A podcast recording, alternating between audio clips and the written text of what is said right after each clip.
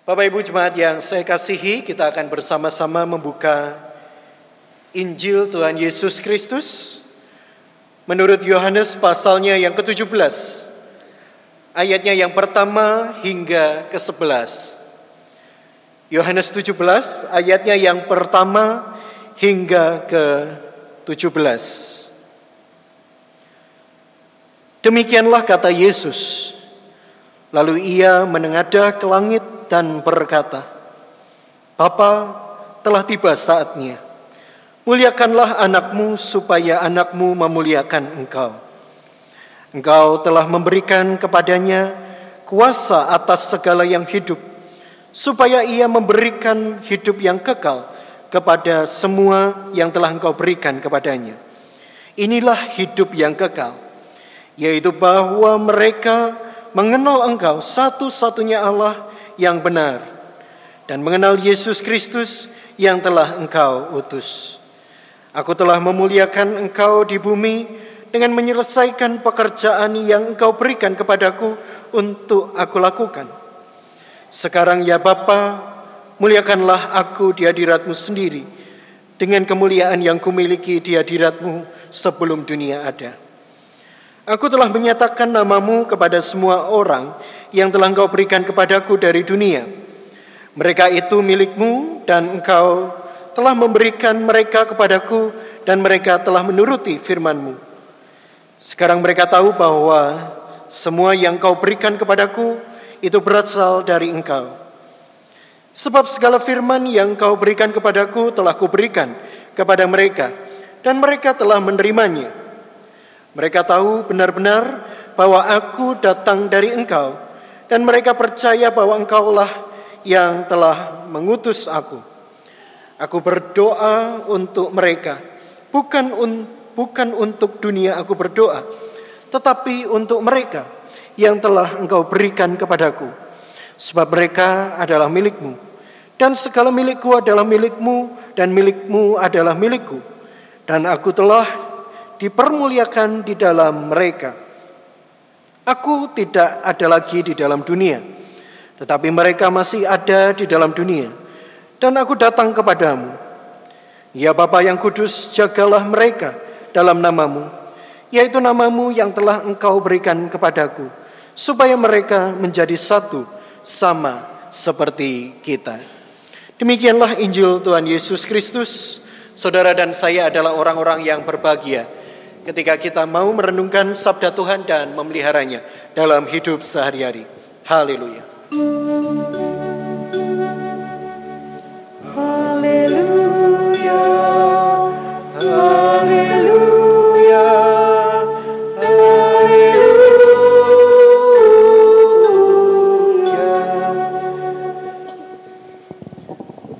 Sedari tahun 2020 yang lalu kita bersama mendadak menjadi sangat akrab dengan istilah karantina. Ya. Kata karantina itu sendiri berasal dari kata atau bahasa Venesia pada abad ke-15 kuarantena yang artinya 40 hari, saudara. Ya. Dan kata ini memang terbentuk pada masa pandemi yang terjadi pada waktu itu yang disebut sebagai wabah hitam atau the Black Death.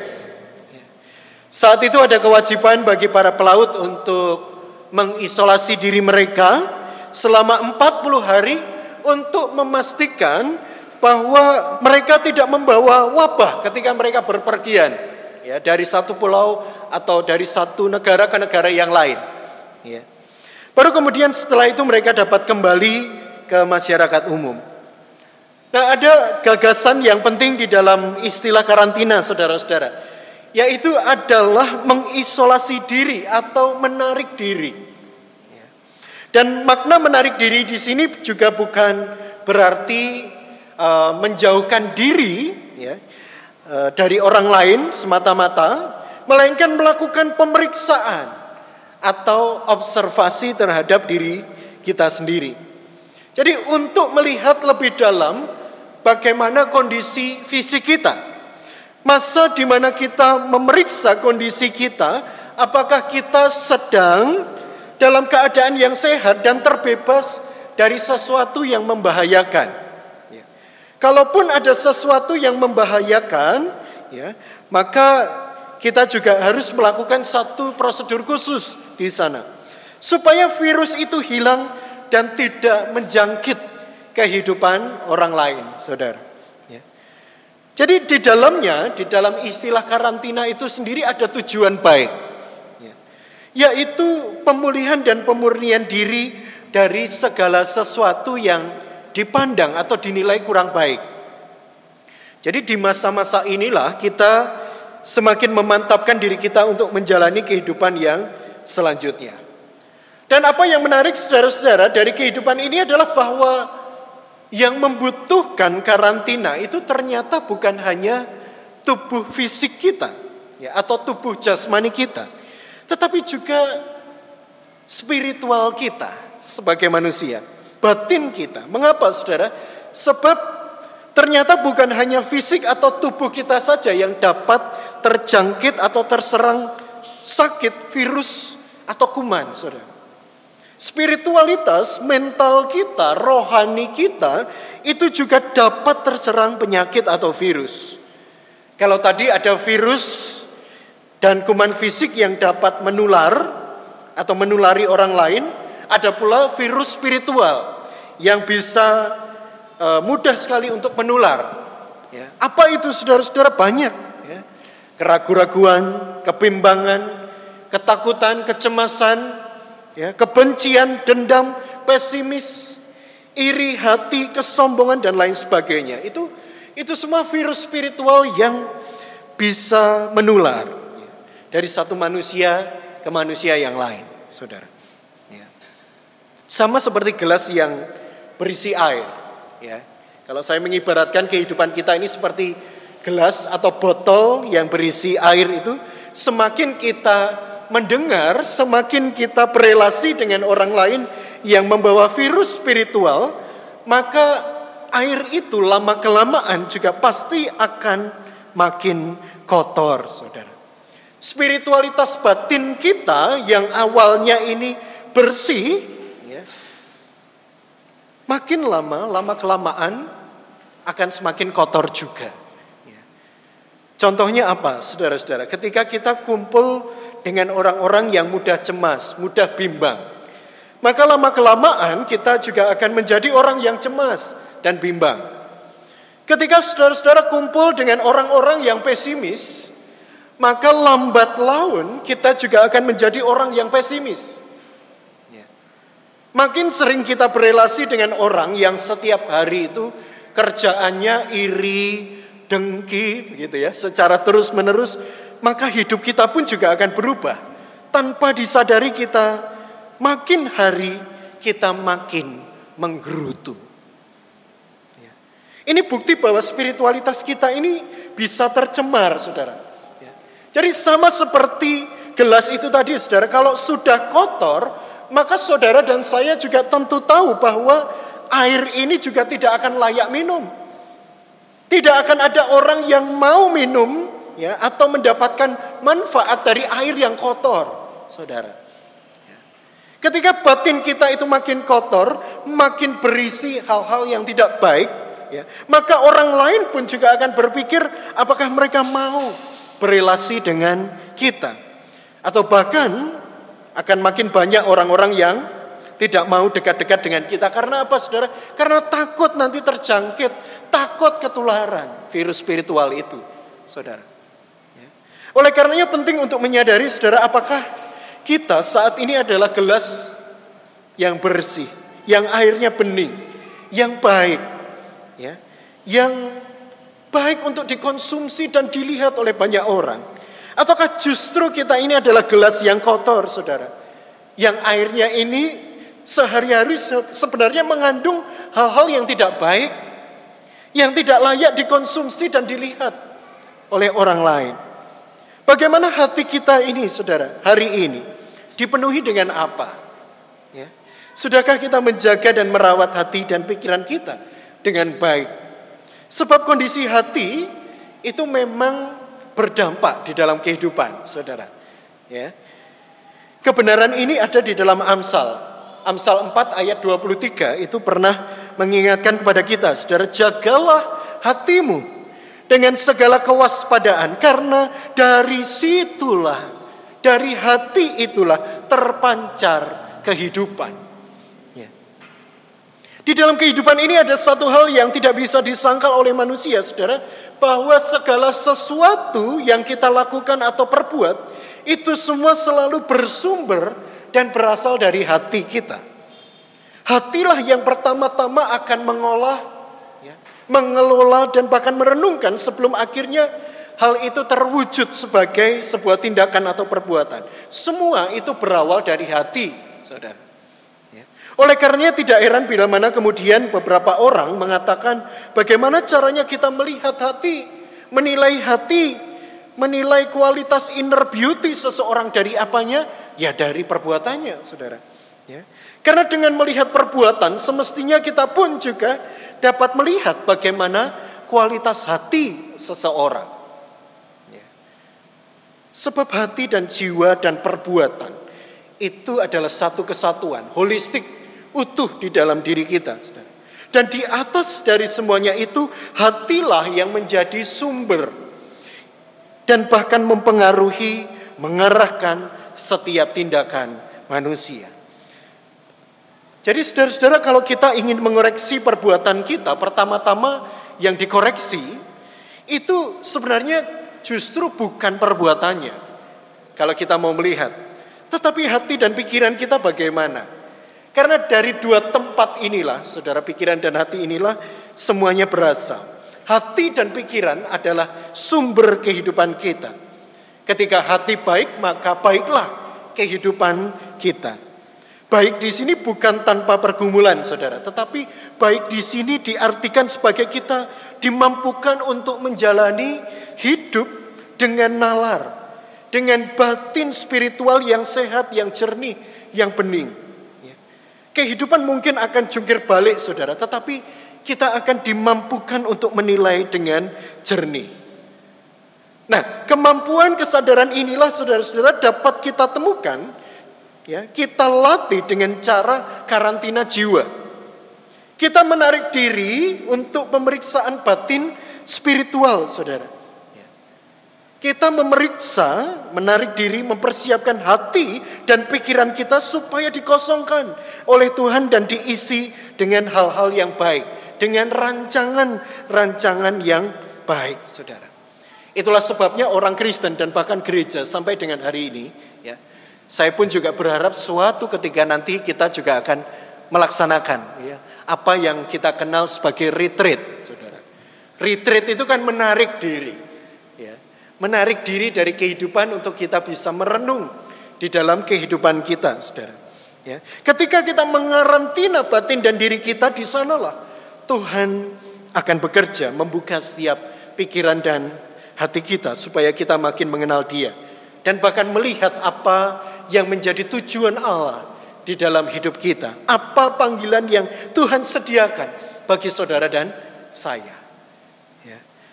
Oleh karenanya kalau kita membaca, membuka kisah para rasul 1, eh, ayatnya yang ke-12 hingga ke-14, saudara ini bacaan lanjutan kita dari kisah kenaikan Tuhan Yesus, kita akan menemukan hal yang menarik di sana.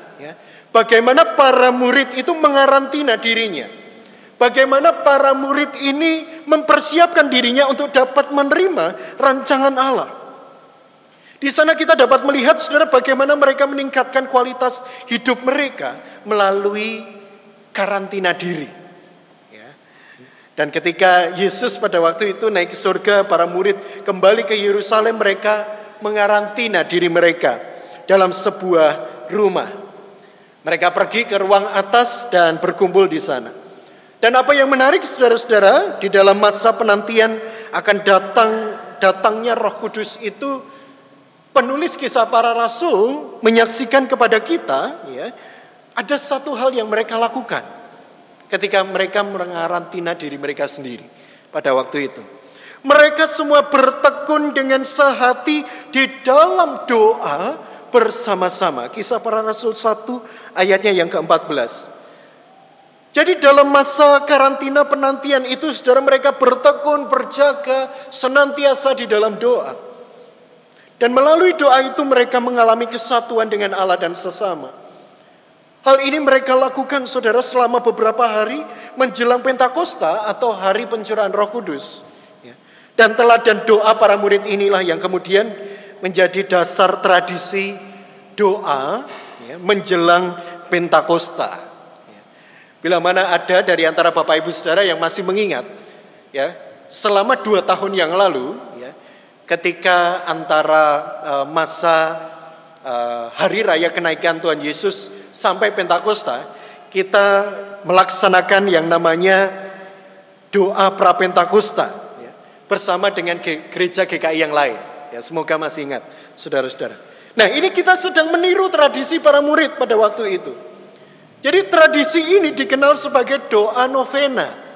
Ya, Pentakosta. Novena itu berasal dari bahasa Latin yang artinya sembilan.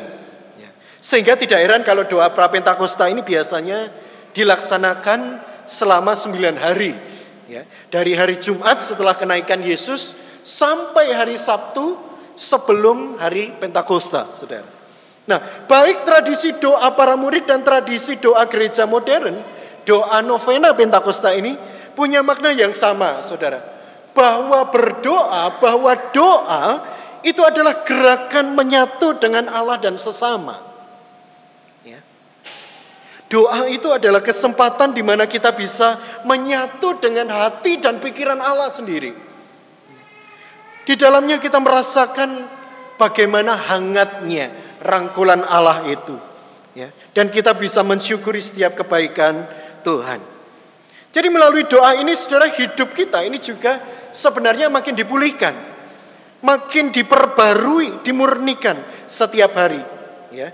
Dipulihkan dari apa saudara-saudara? Dipulihkan dari kekecewaan, dipulihkan dari kekhawatiran, dipulihkan dari kecemasan, ketakutan, kegamangan hidup, saudara. Kita sadar betul saudara-saudara bahwa di dalam hidup ini kita sering mengalami apa yang namanya titik liminal satu titik terendah di dalam kehidupan kita sebagai manusia. Dan setiap saudara dan saya punya titik liminalnya masing-masing di sana. Kita mengalami berbagai pergumulan yang menguras emosi dan perasaan kita, kesabaran kita. Kita barangkali juga harus merasakan masa penantian yang seakan-akan tidak pernah berakhir di dalam hidup ini. Kita juga mengalami perasaan-perasaan yang tidak nyaman, penderitaan hidup yang begitu menyakitkan, saudara. Nah, doa inilah, saudara, yang memberikan ketenangan dari semua itu. Doa itu menuntun kita pada suatu pengharapan yang baru, menjadi karantina bagi jiwa kita. Karantina yang akan memurnikan, membersihkan kita dari segala kekotoran, pikiran yang kotor, hati yang buruk, yang kotor, yang dipenuhi dengan ketakutan, kekhawatiran, ya. keinginan untuk bertindak sesuka hati kita. Jadi melalui doa ini kita juga dimampukan untuk melihat keberadaan diri kita ini dengan sebenar-benarnya, otentik, jujur. Bahkan di dalamnya kita bisa menemukan kepedihan yang barangkali mungkin selama ini kita abaikan atau kita tutup-tutupi. Dengan kata lain, saudara, karantina jiwa itu akan membawa kita berdamai dengan diri kita sendiri. Dan hal ini, saudara-saudara, hanya dapat kita lakukan, kita temukan ketika kita memiliki sikap doa yang benar, ketika kita memiliki spiritualitas doa yang benar. Apa itu?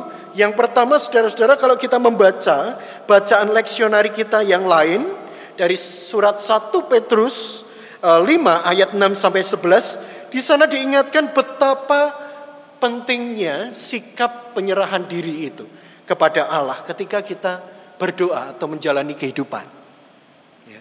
Sebagai manusia yang dapat mengalami berbagai kegelisahan hidup, penyerahan diri kepada Tuhan itu akan menuntun kita untuk mengalami apa yang namanya ketenangan jiwa. Ya. Jadi syarat supaya kita dapat menjalani hidup ini dengan tenang, dengan damai, sejahtera adalah dengan cara berserah kepada Allah. Manusia yang tidak berserah kepada Allah, dia tidak akan mengalami ketenangan di dalam hidupnya. Karena apa saudara? Karena dia membiarkan kekhawatiran, kecemasan itu berputar-putar di dalam pikiran dan hatinya. Ya. Dan apa pun yang dipikirkannya kemudian tidak akan menghasilkan damai sejahtera. Ya. Bayangkan Bapak Ibu Saudara layaknya tanaman ini kita bisa membayangkan kalau kita punya tanaman, kita siram atau kita pupuk dengan sesuatu yang tidak baik, ya, barangkali dia akan mati, saudara. Sama seperti hidup kita. Ketika kita menyiramnya dengan kecemasan, dengan kekhawatiran setiap hari, setiap waktu, maka kematian hidup itulah yang akan terjadi. Ya. Bangun tidur kepikiran, saat kerja kita juga kepikiran saudara. Sampai mau tidur pun juga masih kepikiran terus saudara. Ya. Jadi hanya dengan dan di dalam penyerahan diri kita kepada Allah kita diperlengkapi. Kita diteguhkan, dikuatkan oleh Tuhan untuk menghadapi segala macam pergumulan dan penderitaan. Jadi inilah juga fungsi doa, saudara-saudara. Ya, kita makin belajar untuk berserah kepada Tuhan. Doa tidak pernah mengajarkan kita untuk makin kita meminta pada Tuhan. Makin sering kita mengerti, memaknai makna doa itu saudara, maka kita tahu betul bahwa kita harus benar-benar berserah ketika kita berdoa. Artinya doa ini adalah kesempatan bagi kita untuk mengalami perjumpaan dengan Allah dan semakin terbuka akan rancangannya. Ada orang yang biasanya berkata kepada kita, Pak, saya ini sudah doa tapi kok ya tetap tidak tenang toh Pak. Saya ini sudah berusaha berdoa tapi kok nggak dijawab-jawab. Sampai kapan saya harus menanti? Saudara, ketika kita menjadikan doa itu sebagai alat pemuas keinginan, maka doa itu tidak akan pernah membawa kita pada ketenangan batin. Padahal aspek doa itu lebih besar dari itu semua, saudara. Seorang bernama Abraham Heschel itu pernah mengatakan soal doa demikian saudara. Ini baik sekali untuk kita renungkan. Berdoa berarti memperhatikan keajaiban. Memaknai kembali setiap misteri hidup. Doa adalah jawaban kita yang rendah hati terhadap kejutan hidup yang tidak terbayangkan. Dengan kata lain saudara doa ini adalah cara kita mensyukuri segala macam kebaikan Allah. Ya. Bahkan di dalam kemisterian hidup. Doa itu bukan melulu meminta jawaban kepada Allah. Melainkan juga merupakan jawaban kita. Respon kita terhadap kebaikan Allah. Jadi jangan terbalik saudara-saudara. Ya. Kita berdoa karena kita merespon. Ya, doa itu adalah respon jawaban kita atas kebaikan Allah. Bukan karena kita sedang mau meminta kebaikan Allah itu maka kita berdoa, bukan begitu Saudara.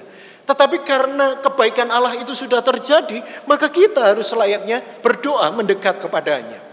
Ya. Dan itulah yang diingatkan kepada kita, saudara. Dan yang lebih utama dari segala itu, semuanya itu, saudara, bahwa doa itu menjadi cara kita untuk kita bisa menyatu dengan sang misteri hidup itu yaitu Allah. Ya.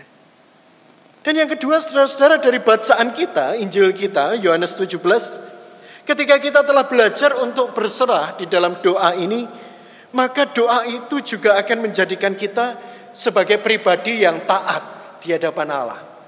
Ya. Doa itu tidak pernah mengajarkan kita untuk kita berpikir tentang egoisme diri kita. Ego itu kan diri ya. ya. Akan menjadi sesuatu yang tidak baik ketika di belakangnya ada isme. Egoisme. Nah itu tidak baik saudara. Ya. Nah doa tidak pernah mengarahkan kita pada egoisme. Ya. Doa itu membawa kita pada satu kesadaran yang mulia bahwa kita harus tunduk, bahwa kita ada dan hidup untuk mempermuliakan Allah. Yesus mengatakan demikian, saudara-saudara. Aku telah mempermuliakan engkau di bumi dengan jalan menyelesaikan pekerjaan yang kau berikan kepadaku. Ya, ya Bapak, semua yang sudah engkau tugaskan kepadaku, sudah aku selesaikan dengan baik. Yesus sadar betul akan tujuan hidupnya bukan untuk memperoleh mahkota duniawi, tetapi memperoleh mahkota surgawi, saudara. Yesus ini sangat sadar bahwa keberadaannya adalah untuk menyelesaikan pekerjaan-pekerjaan Allah di dunia ini. Dan dia telah menyelesaikannya dengan sangat baik. Dan oleh karena itu saudara, saudara dan saya hari ini juga dipanggil untuk melakukan hal yang sama. Ya. Kita hidup dengan taat dan menjadikan kehidupan kita sebagai alat kemuliaan bagi Allah. Ya. Dan karena itu yang ketiga saudara-saudara atau yang selanjutnya sebagai refleksi akhir kita saudara ketika kita melihat di dalam Yohanes 17 tadi Yesus juga ternyata tidak tinggal diam ketika dia akan mengakhiri pertandingannya. Yesus juga mengingat dengan jelas bagaimana para muridnya, bagaimana nasib para muridnya. Yesus dikatakan di sana memohon kepada Bapa sama seperti engkau memberkati aku ya Bapa, maka berkati juga murid-muridmu ini. Ya. Mereka sudah mengenalmu, mereka sudah percaya kepadamu melalui aku, Ya. Dan karena mereka semua berasal daripadamu, maka ku persembahkan mereka kepadamu. Aku sebentar lagi tidak ada lagi secara fisik di dalam dunia ini. Tetapi mereka masih ada di dalam dunia. Dan untuk itulah aku datang kepadamu. Ya Bapa yang kudus, peliharalah mereka di dalam namamu. Kita perhatikan saudara. Yaitu namamu yang telah engkau berikan kepadaku supaya mereka menjadi satu sama seperti kita. Betapapun hari ini saudara dan saya mengatakan hidup kita tidak berharga. Tuhan pertama-tama sudah pernah mendoakan kita jauh sebelum kita mengenalnya. Dan bahkan Tuhan mendoakan kita supaya kita bisa menjalani, bertahan di dalam hidup ini sampai pada akhirnya. Bukan setengah umur saudara, tapi sampai pada akhirnya. Peliharalah mereka, ya Tuhan, di dalam namamu. Jadikan mereka satu, sama seperti kita adalah satu. Jadi Yesus mendoakan kesatuan kita dengan Bapa. Betapa besar rahmatnya, betapa berharganya doa ini bagi keberlangsungan hidup kita semua, saudara. Karena doa Yesus inilah kita masih memiliki iman dan mengenal iman kita di dalam Tuhan. Karena doa Yesus inilah kita dimampukan untuk mengenal Tuhan dan bahkan percaya pada rancangannya yang indah. Jadi ingat berkat ini, saudara-saudara, di dalam hidup kita masing-masing. Nah Bapak Ibu Saudara yang saya kasih dalam Kristus Yesus, di dalam titik terendah kehidupan kita, di tengah pergumulan dan ketidaknyamanan hidup kita, mari kita jadikan doa itu sebagai cara kita untuk kita berjumpa kepada Allah. Ya. Berelasi dengan Allah. Doa itu akan menuntun kita untuk menemukan berbagai kebaikan Allah. Mengalami keajaiban-keajaiban dari hal-hal yang nampak sederhana, saudara. Ya. Doa itu adalah cara kita berjumpa menyatu dengan Allah. Dan hari ini saudara kita diingatkan, kita bersama menghayati Doa itu lebih dari sekedar permintaan. Doa itu mengajarkan kita tentang hidup di dalam ketaatan dan mengisinya dengan cinta kasih Allah. Semakin kita hidup di dalam doa, berarti kita makin berserah, makin taat. Itu yang seharusnya terjadi di dalam hidup kita, saudara. Ya. Doa adalah sikap iman kita untuk bertahan, menantikan janji Allah, mengalami pemulihan dan pemurnian. Jadi doa itu adalah karantina bagi jiwa kita. Maka dari itu saudara-saudara yang terkasih terbukalah di dalam hidup ini. Niscaya lihatlah bagaimana Allah itu bekerja di dalam kehidupan saudara dan saya. Tuhan memberkati. Amin.